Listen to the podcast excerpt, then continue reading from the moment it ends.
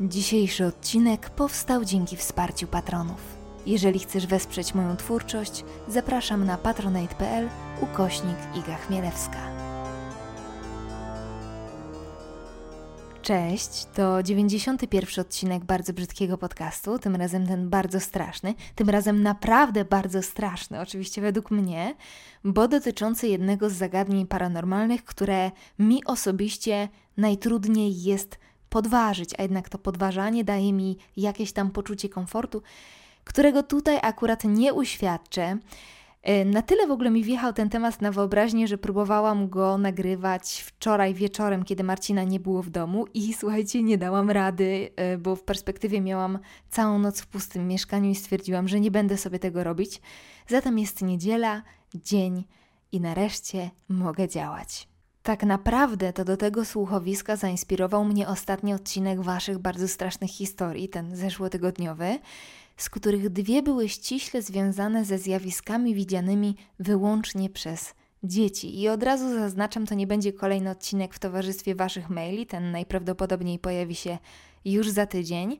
Tym razem postanowiłam zabłądzić w internecie i powiem Wam szczerze, że po tej wędrówce miałam spore problemy z zaśnięciem, a nie miewam ich często, więc jeżeli jesteście szczególnie wrażliwi, to zapraszam Was do przesłuchania innych odcinków bardzo brzydkiego podcastu, tych bez BSH na końcu tytułu. Zatem tę moją wędrówkę po sieci rozpoczęłam bardzo w moim stylu, czyli od poszukiwań jakiegokolwiek wyjaśnienia. E, jak to się dzieje, e, że powszechnie uważa się, że to dzieci mówiąc najogólniej, widzą więcej, tak?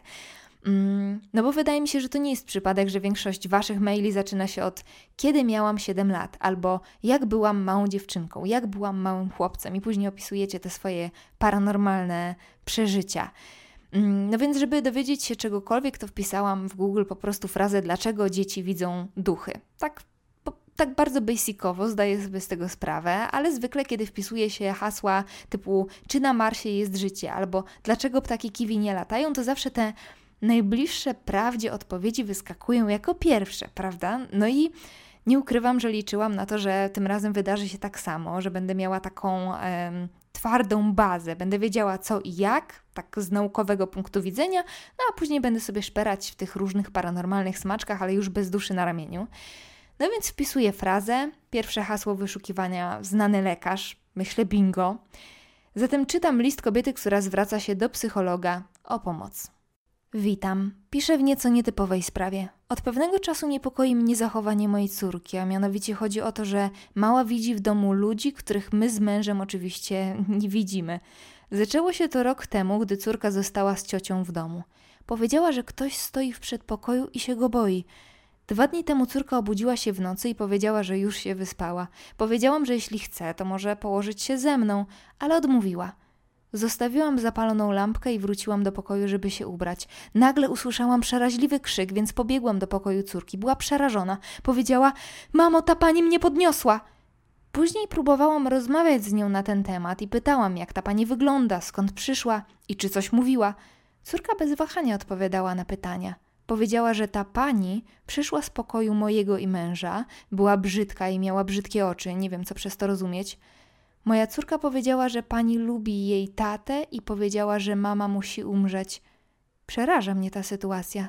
Nie wiem co robić. No i wiecie, wchodzi sobie człowiek na portal z lekarz w nazwie, więc liczy na jakieś naukowe wyjaśnienie, jakiś artykuł, a tymczasem dostaje historię, która nawet mnie przyprawia od dreszcze. Chyba najbardziej przytłacza mnie to, że małe dziecko wypowiada zdanie, że ktoś musi umrzeć, że mama musi umrzeć, de facto najbliższa temu dziecku osoba. Nie wiem, jakby naoglądało się jakichś thrillerów, do których przecież takie małe dzieci nie mają dostępu i oczywiście można tu zgonić na podsłuchiwanie tego, co mówią rodzice, ale wydaje mi się, że w ogóle stworzenie takiej myśli wymaga jakiegoś głębszego przeanalizowania sprawy, ustalenia jakichś zależności? Nie wiem. No ale dobra, myślę sobie, przeczytam odpowiedź psychologa, na pewno wyjaśni ten mechanizm i będę miała tę swoją wymarzoną, ciepłą bazę pod dalsze paranormalne poszukiwania, więc czytam. Wiele małych dzieci twierdzi, że odwiedza je osoba, której oprócz nich nikt nie widzi. Dotychczas zakładano, że takie maluchy mają nadmiernie wybujałą wyobraźnię lub problemy emocjonalne. Jednak Karen Goody, amerykańska psychoterapeutka, psycholog i doradca duchowy, twierdzi, że takie dzieci widują duchy zmarłych. Dzieje się tak, ponieważ kilkulatki są bardziej sensytywne od dorosłych, podatniejsze na paranormalne bodźce. Według amerykańskiej psychoterapeutki dzieci pomiędzy drugim a czwartym rokiem życia nie są w stanie odróżnić ducha od złudzenia. Dopiero po ukończeniu siedmiu lat dziecko zaczyna rozumieć, że ma do czynienia z niewidzialnym dla innych, ale realnie, choć metafizycznie istniejącym bytem. Nie zajmuje się podobnymi problemami. Proszę na ten temat porozmawiać na przykład z księdzem. Jak dotarłam do ostatniego zdania, to pomyślałam: oho, czeka mnie naprawdę ciekawa podróż. E, wiecie oczywiście, jakie jest moje stanowisko w kwestii mieszania psychologii i kościoła, no ale wciąż. Mm, I wiecie, ja jestem pewna, że są opracowania naukowe na temat dziecięcych umysłów i tego, co potrafią wygenerować e, w tych wczesnych latach życia, ale w takim bardzo naskórkowym researchu no to mamy jakieś totalne legendy i baśnie. Więc postanowiłam błądzić dalej, kliknęłam w kolejny link, tym razem z portalu Ofemini i no cóż, on też nie rozwiał moich wątpliwości. Na przykład w artykule możemy znaleźć trzy teorie na temat tego, dlaczego małe dzieci widzą duchy. No i znowu Chmielewska liczy na naukę. Tymczasem pierwsza teoria jest dosyć basicowa i absolutnie nienaukowa. Mówię o tym, że po prostu dzieci mają taki dar, który tracą w pewnym wieku. Druga teoria jest znacznie ciekawsza. Mówi o tym, że dorosły może dostrzegać fale światła określonej długości od 400 do 700 nanometrów, a fale światła podczerwonego są dla nas już niedostrzegalne, ponieważ wykraczają poza tą skalę. Za to dzieci są w stanie dostrzegać właśnie światło podczerwone, przez co widzą więcej, więc niewykluczone, że właśnie poza naszym wzrokiem rozgrywają się przeróżne sceny, których my dorośli już dostrzec nie możemy. Jest to absolutnie przerażająca wizja. Trzecia teoria dotyczy reinkarnacji, te, już gdzieś w ogóle słyszałam. Mówi ona o tym, że dusza po przejściu do nowego ciała jeszcze przez jakiś czas zachowuje umiejętność widzenia innych duchów, Mm, no i ta umiejętność, jak w przypadku mm, poprzednich teorii, oczywiście zanika z wiekiem i stajemy się smutnymi dorosłymi. A jeszcze spoza artykułu to znam inną teorię dotyczącą reinkarnacji i malutkich dzieci, że dziecko jeszcze przez jakiś czas zachowuje świadomość tej nieśmiertelnej duszy, która wędruje z ciała do ciała na przestrzeni wieków. I to ma tłumaczyć to takie dziwne spojrzenie dziecięce, takie niedziecięce, dziecięce spojrzenie, które dzieci od czasu do czasu posiadają. Ja sama byłam niejednokrotnie świadkiem takiej sytuacji, w której dziecko wbijało we mnie spojrzenie i dam sobie obydwie ręce obciąć, że to było spojrzenie dorosłego człowieka. Przerażające, przerażające. Ale wracając do artykułu, to znowu nie otrzymałam jednoznacznej naukowej odpowiedzi. I tak jak mówiłam wcześniej, pewnie takowa istnieje, ale złapałam się mm, przy tym moim internetowym researchu, no że trochę walę moją ateistyczną głową w mur, więc postanowiłam potraktować dzisiejszy odcinek nieco swobodniej, nieco mniej edukacyjnie, podzielić się z Wami po prostu moimi efektami internetowych poszukiwań, pół żartem, pół serio, ale na pewno przerażająco. E, jeżeli ktoś z Was posiada jakieś naukowe opracowania, wie dlaczego malutkie dzieci, że, dlaczego w ogóle to jest tak powszechne zjawisko, że małe dzieci widzą duchy, no to koniecznie się podzielcie. Możecie napisać do mnie wiadomość prywatną na Instagramie, możecie napisać komentarz na YouTubie pod tym słowiskiem. Niemniej, jakoś zachęcona tym drugim punktem artykułu o Femini, postanowiłam kontynuować lekturę. I znalazłam na przykład instrukcję, co robić, kiedy Twoje dziecko widzi ducha. I uwaga, Według tekstu po pierwsze nie należy panikować, dobre sobie. Po drugie, mm, nie podkręcać atmosfery. To w sumie jest dosyć logiczne. Jak dziecko nie jest przestraszone, to lepiej nie wzbudzać w nim tego niepokoju. A po trzecie, należy odwrócić uwagę dziecka, jeżeli cała sytuacja przerasta nas. I nie wiem jak was, mnie by przerosła na pewno, bo mam, mm, mam takie poczucie, że jak mi się wydaje, że coś widzę, no to mogę to zgonić na własny umysł. E, ja, ja przejmuję stery, tak? ale jak widzę to samo, co ktoś inny, co mi się czasami zdarzało, albo słyszę coś, co słyszy ktoś inny, albo kiedy ktoś inny do tego tak szczere jak dziecko twierdzi, że coś widzi, no to wtedy odrobinę tracę panowanie nad całą sytuacją, a przede wszystkim panowanie nad moją teorią na ten temat. I to, że takie mamo, tam w kącie stoi pan na przykład, by mnie przerosło, poczułam bardzo dobitnie, kiedy podjęłam lekturę różnych forów, na których kobiety i mężczyźni opisują swoje przygody. Natrafiłam na przykład e, na wątek na jakimś takim prehistorycznym forum z czasów, kiedy jeszcze fora były rzeczą, z której się korzystało. No i ten wątek nosi tytuł Czy dzieci widzą duchy? Autorka pisze. Zakładam ten wątek, bo kolejne zdarzenie utwierdziło mnie w przekonaniu, że chyba coś w tym jest. Jakieś półtora roku temu mój mąż powiedział, że nasza córeczka, wtedy ponad dwuletnia, czasem nieruchomieje i wpatruje się w jakiś punkt. Raz zapytał ją, co tam widzi, a ona, że innych ludzi. Jeszcze wcześniej zauważałam u niej takie stany, kiedy była malutka, ale nie zwracałam na to zbytniej uwagi. Wczoraj natomiast mała wzięła mnie za rękę, zaprowadziła do pokoju i mówi: Tu jest taka dziewczynka, powiedz jej dzień dobry, ja dam jej cześć. I wyciągnęła rękę. Przyznam, że ciarki mi przeszły po plecach. Dziś zapytałam ją o tę niby wyimaginowaną dziewczynkę i powiedziała mi to samo co wczoraj, czyli że stała tam i tam i że tak do niej mówiła. Czytałam o tym trochę, że dzieci często widzą duchy. Wierzę ogólnie w takie rzeczy, wierzę w duchy, choć panicznie się boję tego wszystkiego a dziś to chyba w ogóle nie zasnę. Wpis jest znacznie dłuższy. W dalszej części autorka wątku prosi o radę, no i nagle okazuje się, że to jest temat rzeka. Oczywiście niektórzy pisali, że warto wybrać się z dzieckiem do psychologa albo do neurologa. Wróżyli oczywiście straszne choroby, jak to w internecie. No ale też zdarzyło się kilka prawdziwych perełek. Na przykład ktoś pisze: Spokojnie, mi się wydaje, że to przejdzie. Mój bratanek, jak miał dwa lata, to zobaczył w oknie pana i potem bał się wchodzić do pokoju i pytał, czy ten pan mu nic nie zrobi. Najpierw mu tłumaczyliśmy, żeby się nie bał, że jest bezpieczny, że tatuś nie da mu nic zrobić, ale im częściej do tego wracaliśmy, i Filip też, to mam wrażenie, że to się nasilało. Więc przestaliśmy reagować. I w rezultacie Filipek zapomniał o całej sytuacji i nie ma już pana, także myślę, że troszeczkę poczekaj i postaraj się nie reagować. Zobaczysz, jaki przyniesie to skutek. I jak to czytałam po raz pierwszy, to wyobrażałam sobie, że ktoś to mówi właśnie takim wyluzowanym tonem, no ale on, pan za oknem. Przypomina mi się od razu historię, nie wiem, czy już Wam o niej nie opowiadałam, jak moja koleżanka opowiadała sytuację e, jej mm, przyjaciółki, chyba, jeżeli dobrze pamiętam, przyjaciółki albo siostry, e, jak dziecko tej dziewczyny właśnie e, widziało za oknem niebieską panią. I aż teraz mam dreszcze, bo od razu sobie człowiek tę niebieskość próbuje zinterpretować. Czy chodzi o, nie wiem, przybysza z innego wymiaru, czy niebieski tak naprawdę jest sinym.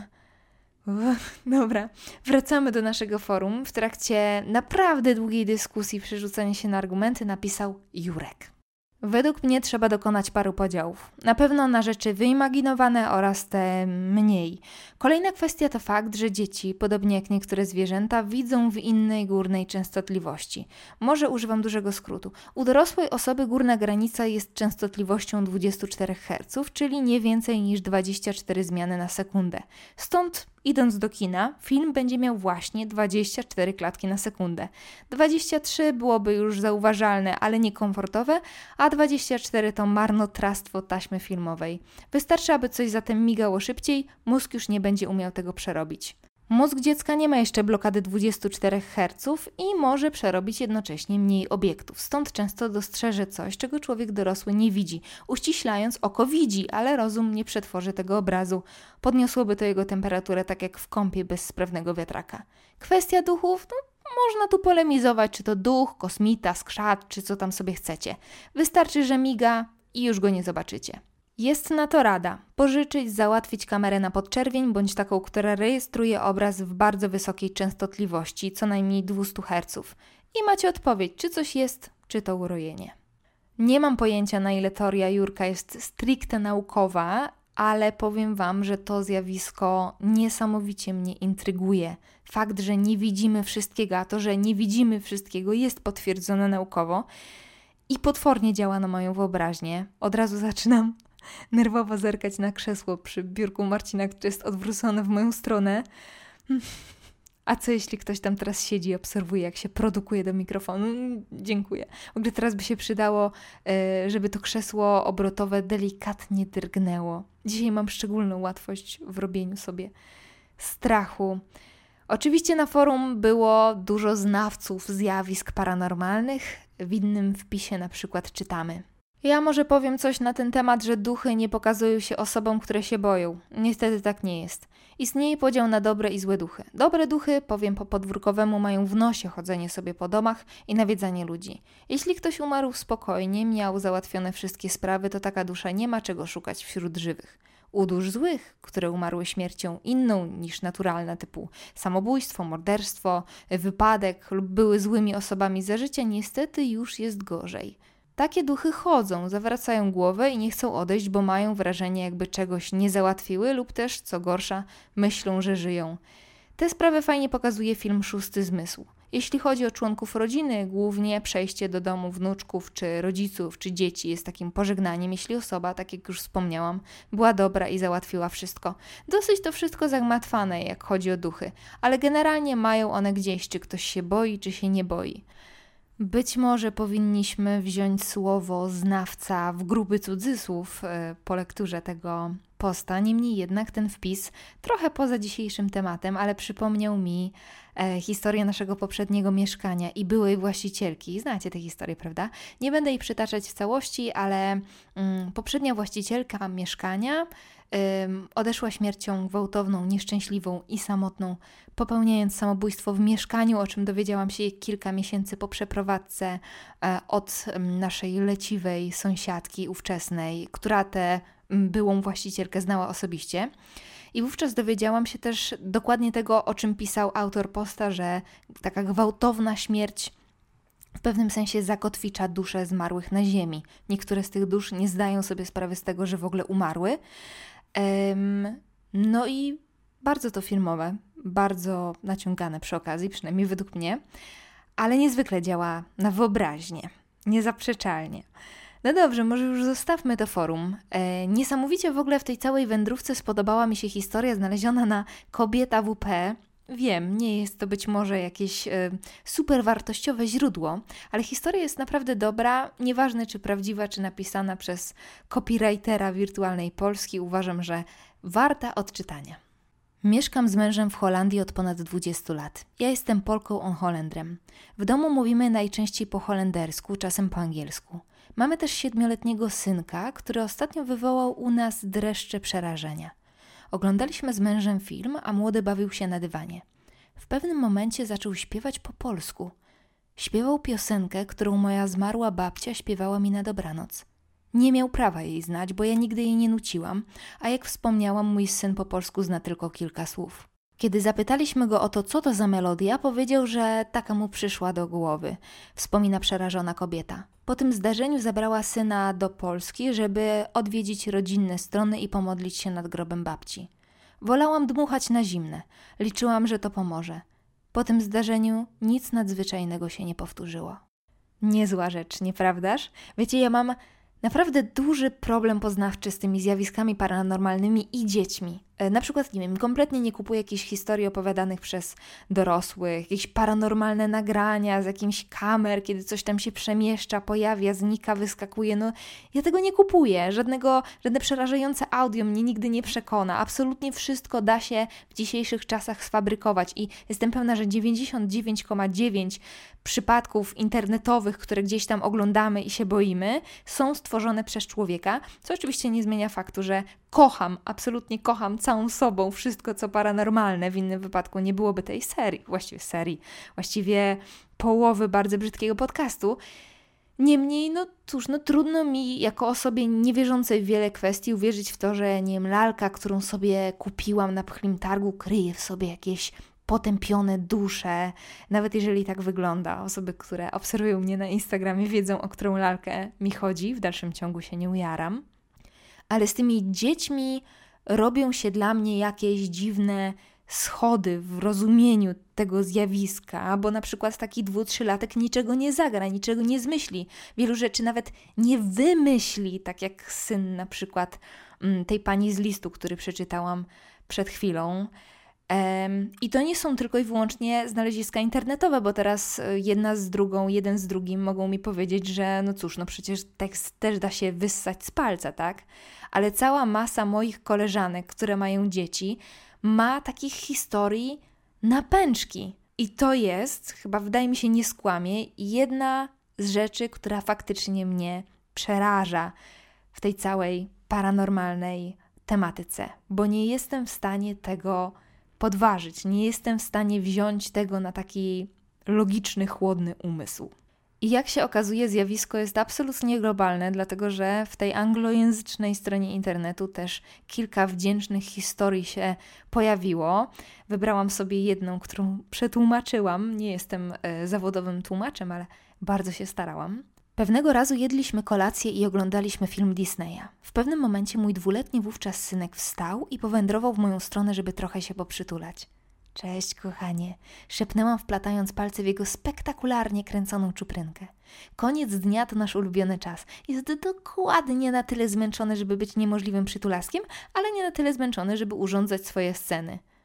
Mamusiu, szepnął mój synek, myślę, że dziewczynka jest smutna. Byłam wówczas w ciąży z jego młodszą siostrzyczką. Położyłam rękę na brzuchu. Przechodziliśmy właśnie etap tłumaczenia Malcowi, czym jest ta piłeczka, że tak naprawdę to jest osoba, z którą już niedługo będzie mógł się pobawić. Pomyślałam, że i tym razem mój mały chłopiec chce pogadać o swojej przyszłej siostrze i nie ukrywam, że zrobiło mi się ciepło na sercu. O, skarbie, twoja siostrzyczka nie jest smutna, jest wesoła. Jest szczęśliwa, że ma takiego super brata jak ty. Mój synek na te słowa delikatnie pokręcił głową. Nie, mamo, nie moja siostrzyczka. Okej, okay, mały dziwaku, teraz potrzebuję wyjaśnienia. Skarbie, w takim razie o kogo ci chodzi? Bez zastanowienia odpowiedział: Ta mała dziewczynka, która mieszka w naszym domu. Zrobię tu małą pauzę. Moje dziecko miało dwa lata, kochani. Jestem prawie pewna, że ten pomysł nie był inspirowany kanałem Disney Junior i jakkolwiek mój syn prezentuje swoją niezwykłą inteligencję, tworząc budowlę z Play-Doh, tak w tym wypadku wydaje mi się, że nie byłby na tyle kreatywny, żeby stworzyć taką historię. Chwilę później zrobiło się jeszcze dziwniej. Ben podniósł palec do góry, wskazując za miejsce, na którym siedział mój mąż, i dodał: O, tam stoi z czerwonymi oczami.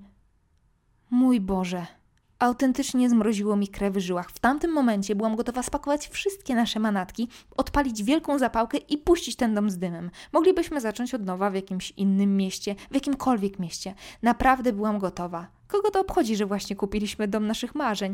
Nie ma na tyle fantastycznej przestrzeni, żeby mieszkać w niej z dziewczynką o czerwonych oczach. Trochę żartobliwy tekst, ale jednak pozwalający dosyć dobrze zaobserwować to, zaskoczenie matki, najśm- najśmieszniejsze, najstraszniejsze w tym wszystkim, w wielu historiach o zjawiskach paranormalnych wśród dzieci jest to, że one bardzo często, nie mówię, że zawsze, ale bardzo często podchodzą do tego na luzie, tak jakby to było coś kompletnie naturalnego. Niejedna z moich koleżanek opowiadała o tym, że jej córka czy syn tłumaczyły jej, że bawią się z kimś albo widzą kogoś, kogo rodzice nie widzą, z takim luzem, jakby relacjonowały, co się działo dzisiaj w przedszkolu. Na przykład jedna z moich koleżanek opowiadała mi historię, jak zasypiała ze swoim kilkuletnim synkiem, no i tłumaczy mu, że już musimy iść spać, że już jest późno. No i ten w odpowiedzi pyta ją, czy pani też pójdzie spać. No i koleżanka była taka skołowana, no jaka pani, mieszkanie, środek nocy, o co chodzi? No i pyta, jaka pani? Na co synek pokazuje na sufit i odpowiada: Ta pani. No i koleżanka postanowiła zachować zimną krew. Powiedziała, że tak, ta pani też pójdzie z nami spać, ale tak naprawdę to musiała mieć strasznie ciepło. Także dzieciaki podchodzą do tego właśnie w ten sposób. To jest część ich rzeczywistości, co jest absolutnie przerażające, ale może właśnie tak należy do tego podchodzić, do tych wszystkich zjawisk paranormalnych. Ale czy tak w ogóle się da? Czy to jest wykonalne? Tego nie wiem, bo jestem wydygana i być może tego nie było słychać, bo poprowadziłam to słuchowisko z uśmiechem na twarzy.